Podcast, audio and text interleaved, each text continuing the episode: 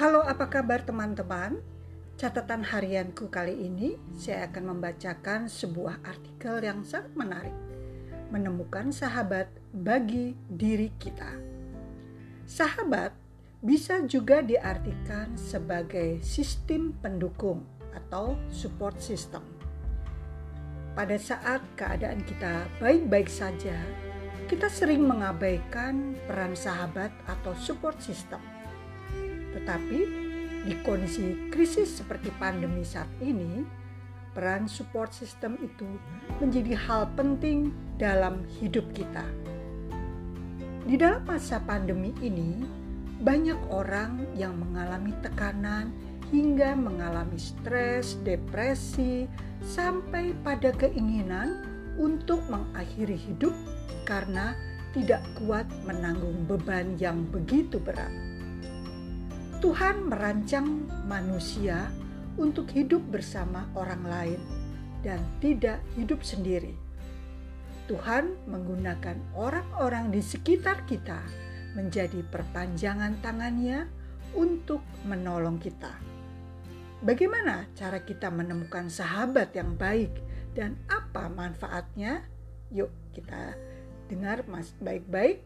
Yang pertama, manfaatnya adalah satu, menolong atau membantu kita sampai pada tujuan hidup kita. Apa tujuan hidup kita?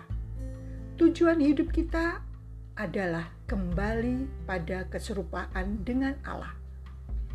Jika tujuan hidup kita adalah menjadi serupa dan segambar dengan Dia, maka kita perlu mencari sahabat-sahabat yang mempunyai nilai dan visi yang sama yaitu yang menjadi serupa dan segambar dengan Dia. Tetapi, jika sahabat kita tidak punya tujuan yang sama, maka akan sulit bagi kita untuk mencapai tujuan hidup kita. Sahabat akan sangat mempengaruhi nilai dan visi hidup kita. Manfaat yang kedua adalah menolong kita memperbaiki hubungan yang baik dengan orang-orang di sekitar kita.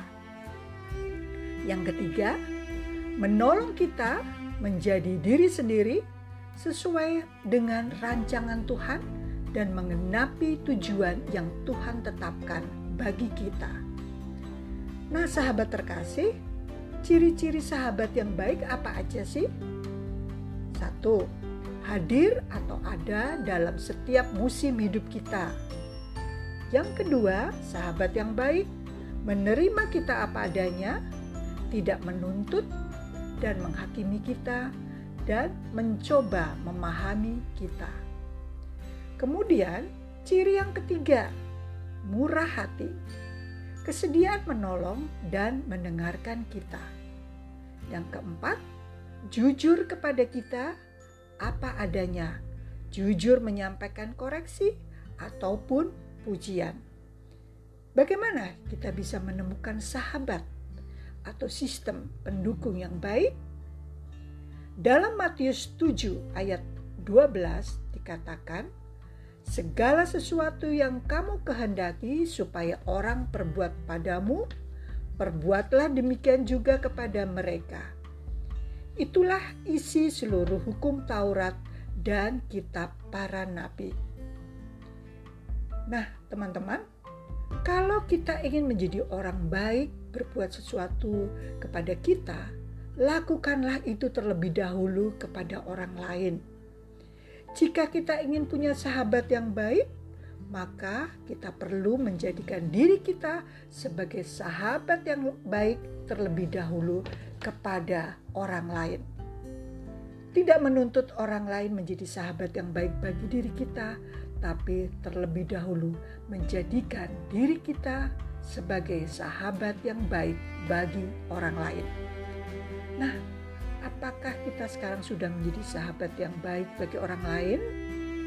Kita juga bisa mendapatkan, menemukan sahabat yang baik bagi kita Perhatikan ayat firman Tuhan tentang perumpamaan seorang penabur. Tidak semua benih yang ditabur akan bertumbuh baik. Jadi, tidak semua orang bisa menjadi sahabat kita. Siapkanlah hati kita untuk tidak menjadi kecewa, karena memang firman Tuhan sudah mengingatkan kita tentang hal itu.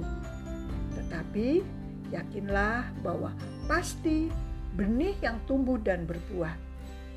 Mungkin tidak banyak, tetapi itulah yang dapat menjadi sahabat kita. Selamat menjadi sahabat yang baik. Sampai jumpa.